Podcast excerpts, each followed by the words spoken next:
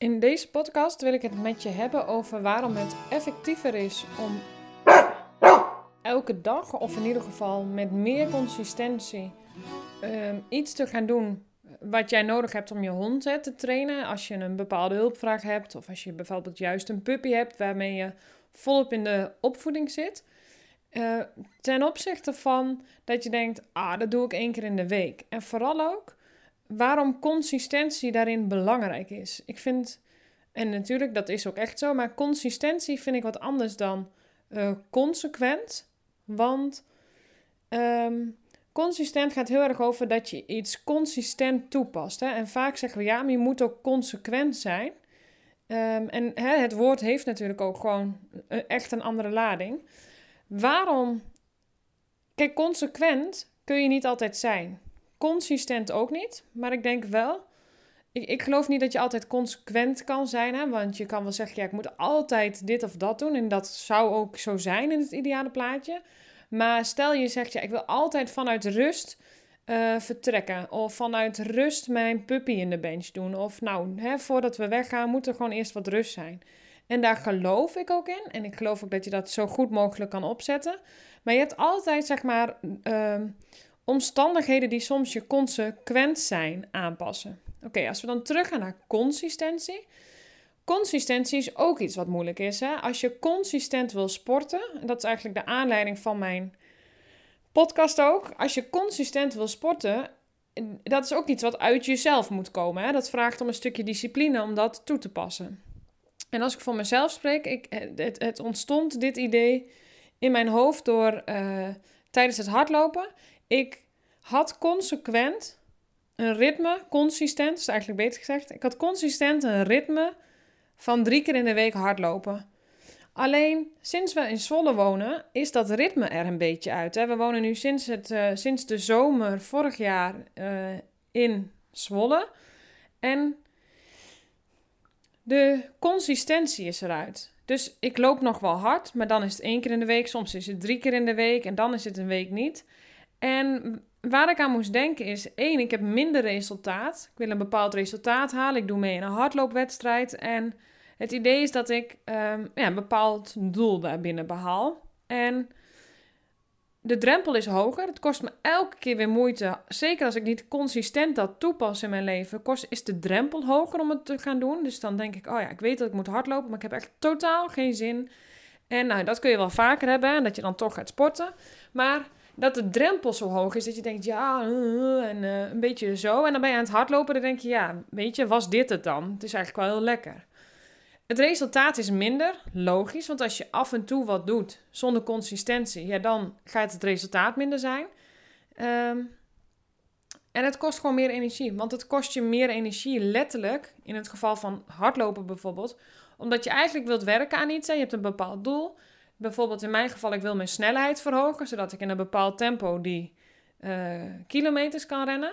Maar dat vraagt dus ook om, um, ja, als daar geen consistentie in zit, kost het me meer energie. En dan dus eigenlijk ook weer in uh, de breedste zin van het woord. Want het kost me ook meer energie, omdat bijvoorbeeld ook mentaal, hè, omdat, omdat de drempel dus hoger wordt. Dus het wordt elke keer zo'n ding waar ik tegenaan zit te hikken. Wat echt niet zo is als ik iets consistent toepas. Nou, als we dan gaan naar de training met je hond. Mijn advies is heel vaak: ik heb, zou liever zien dat je elke dag vijf minuten iets traint dan dat je zegt: ik ga één keer in de week een half uur iets trainen. Want het is minder effectief. En moet het dan per se vijf minuten zijn? Nee, natuurlijk niet. Hè? Dat hangt af van jouw hond, dat hangt af van wat je gaat trainen, het hangt af van de leeftijd van je hond. Maar effectiever is om elke dag even iets te doen. Waarin het zowel voor jouw hond als voor jou ook minder een drempel gaat worden. Ik denk oprecht dat de drempel um, minder hoog wordt als je het consistent gaat doen. En daarmee bedoel ik ook vooral heel vaak dat je het niet laat afhangen van de, de toevalligheden, zeg maar. Dus ik bedoel dan, stel je wilt met jouw hond trainen dat hij eh, goed aan de lijn loopt of dat hij niet uitvalt naar andere honden of noem het op. Dan als je het alleen maar laat afhangen van toevalligheden, iemand die toevallig voor de deur staat, een hond die je toevallig tegenkomt, dan moet je heel vaak roeien met de riemen die je hebt. Uh, Ehm, de toevallige wandeling, tuurlijk. Hè? die zijn niet toevallig, want je moet gewoon je hond uitlaten, maar wel heel erg. Ehm, ja, je, je bent wel afhankelijk van bijvoorbeeld hoe jouw gemoedstoestand is. En of je druk hebt of niet. En of je dan uh, de training hebt. Maar vooral ook, als er een hulpvraag is, dan, en jij gaat met je hond trainen, dan kan het maar zo zijn dat als je dan ook nog gaat trainen naast je wandeling, dat het te veel is. Dus wat je eigenlijk wilt is voor meer resultaat in de training, en ik zie soms dat dit een wezenlijk verschil kan maken, is dat je consistent gaat kijken hoe je daar een soort van planning op kan losmaken. Nou, en ik zeg nu elke dag, dat is niet eens altijd haalbaar, denk ik. Dat, dat kan wel, maar ik denk dat, dat je komt een beetje in het, in het 80-20% principe, zeg maar. Ik vind dat hetzelfde bijvoorbeeld met gezonde voeding of met alles. Ik vind 100% altijd, ja, hoe realistisch is dat? Als je een keer ziek bent, als je een keer geen puff hebt, als je een zware werkdag hebt gehad, als de kinderen ziek zijn en je, en je bent er zelf ook helemaal klaar mee. Of nou ja, noem op wat een reden zou kunnen zijn. Maar dat betekent dus al dat je misschien minder consistent kan handelen. Veel mensen hebben dan het gevoel dat dat niet goed is en dat ze dan falen. En we leggen onszelf heel veel druk op, hè, van, van, eigenlijk vanuit onszelf. Terwijl als je hem anders insteekt, 70-30 kan ook, snap je? 80-20 eh, kan ook. Het gaat erom dat je dat in principe vooral in de meerderheid toepast. En wat ik in training vaak zie, is dat het 30-70 is. Dus je doet het 30% wel, 70% niet. Met dus als resultaat dat je bijvoorbeeld minder resultaat hebt, dat die drempel elke keer hoog is, dat dat veel energie kost. Dus een advies zou zijn is, hoe kan jij dit, een plan die jij hebt met je hond, je wilt een bepaald doel bereiken, nou zodanig gaan trainen dat je dat consistent kan toepassen en het ook nog past in je agenda. Uh, in jouw leven, in hoe jouw uh, situatie eruit ziet. Dat is voor iedereen verschillend. En ik denk dat je soms, als je dan denkt, oh, maar dat vind ik echt lastig inschatten, of uh, ja, dat voelt echt als een enorme stap, of noem het op, dan kan het soms ook helpen als je zegt, nee, ik ga hem juist wat lager insteken. Uh, want als je hem wat lager insteekt, dan zul je zien dat je doel eigenlijk in één keer haalbaar wordt. En dat, dat dit advies geldt eigenlijk ook voor je hond. Stel je wilt iets trainen met je hond, kan je ook zeggen: nee, ik leg de lat bewust lager, zodat hij een bepaald doel haalt. Het is niet per se je einddoel, maar je gaat dus je doel in stapjes opzetten. En dan heeft hij een bepaald doel behaald en dan ga je dan kijken wat is het volgende doel.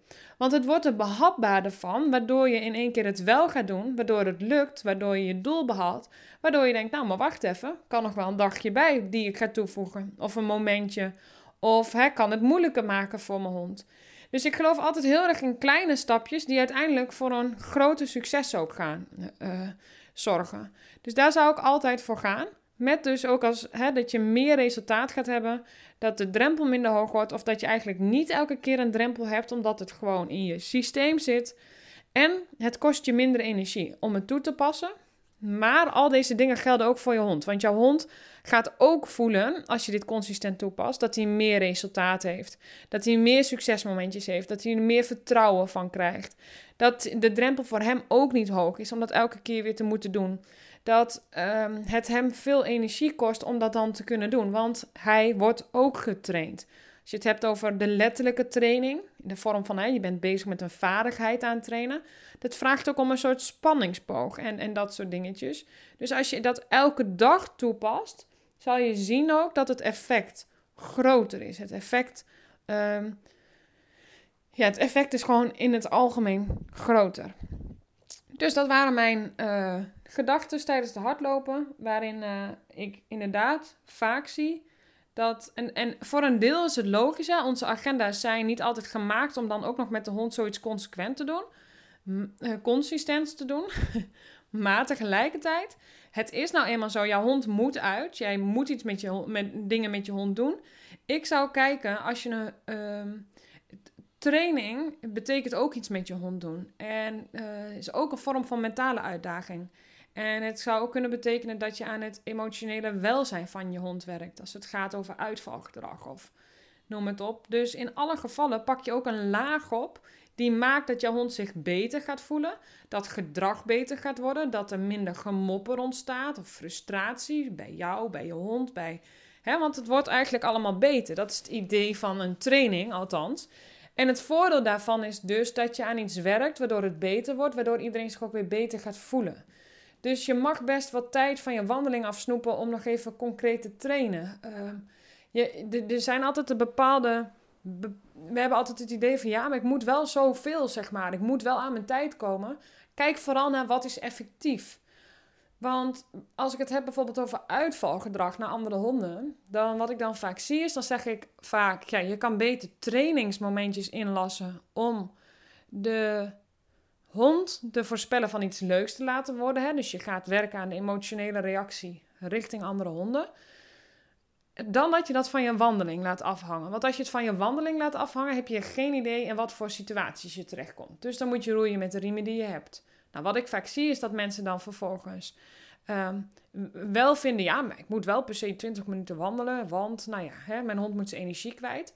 Fair enough, ik zeg niet dat dat niet zo is, maar dan is de vraag hoe kunnen we dat alsnog invullen. Maar daarbovenop komt, als jouw hond bijvoorbeeld reactief is naar andere honden, in principe valt hij uit. Zelfs al is de verhouding 70-30 of 60-40 procent, dus 60 procent wel, 40 procent niet, dan is het alsnog zo dat bij het zien van een andere hond hem dat eh, spanning oplevert. Het levert hem stress op. Hij is niet ontspannen. Dus de vraag is hoe effectief en vooral kwalitatief het dan is als jij zegt: ja, maar ik moet wel 20 minuten wandelen. Of ja, ik moet wel een half uur, want anders is hij niet voldaan. Het kan namelijk zijn dat daardoor die hond gewoon continu overprikkeld raakt. En je dus eigenlijk een beetje met de kraan open aan het dweilen bent. En dus zeg ik altijd: stel we gaan van dat half uur uit. Ik zou dan liever hebben dat je zegt: nou. Ga even 20 minuten volop in een. Uh, op, het hoeft niet achter elkaar aan te, aan te sluiten, wat ik nu zeg. Maar dat je zegt, ik ga even 20 minuten een heerlijke snuffelwandeling maken. Dat de hond even volledig in dat stukje voorzien wordt. En dan ga ik later nog even 10 minuten met hem naar een plek. Of, met, uh, of, of gewoon in de straat met hem oefenen. Zodat we aan de slag kunnen met de honden die we dan tegenkomen op afstand. Dus dat is een wezenlijk verschil qua insteek van jouw uh, wandeling, waardoor je dus eigenlijk werkt aan, en ook van je training, waarbij je eigenlijk werkt aan het emotionele welzijn, zodat je op den duur weer kan zeggen, ja, ik kan die trainingsmomenten zijn eigenlijk niet meer nodig, of ik kan dat inderdaad laten afhangen van het wandelen, nou ja, enzovoort, enzovoort. En nu heb ik het specifiek even over, uh, ik neem heel vaak als voorbeeld, merk ik, een hond die buiten uitvalt naar andere honden, maar dat is eigenlijk voor de verbeelding heel, heel makkelijk spreken. Maar ja, dat geldt ook voor in huis, hè. Stel jij wilt dat uh, het kloppen op de deur voor de hond niet zo'n enorme prikkel is. Ja, als je dan één keer in de week een beetje gaat oefenen met op de deur kloppen. Ja, dat, dat werkt niet. Want dan wordt de drempel elke keer hoog. Dan denkt de hond misschien, oh ja, nee, dat, hè, daar kan ik eigenlijk wel rustig onder blijven. Het vraagt echt om consistent dat toepassen. Want anders is het resultaat minder, is de drempel hoger en kost het meer energie voor jullie beiden. En dat is gewoon zonde. Dus je kan beter heel spaarzaam omgaan met je minuutjes. En dat uh, in een consistent jasje schieten, dan af en toe eens wat gaan oefenen, omdat je een bepaald doel hebt. Ook consistentie vraagt om een vorm van discipline. Vandaar dat ik altijd zeg dat je eh, gewoon even gaat kijken hoe kan ik dit nou behapbaar maken, zodat je het niet allemaal bovenop doet, maar veel meer waar kan ik wat van afsnoepen misschien, zodat het uh, ook in mijn hoofd voelt als iets heel realistisch en niet van wow, ik moet nog meer doen of zo. Want ik zie wel vaak dat dat toch iets is wat heel erg in ons leeft. Daar ga ik deze podcast voor nu mee afsluiten. Bedankt voor het luisteren. Als je het leuk vindt en hier meer over wilt leren, dan uh, adviseer ik je om mijn cursus De Ontspannen Hond te gaan volgen. Ik zet een linkje bij deze podcast. En tot de volgende keer.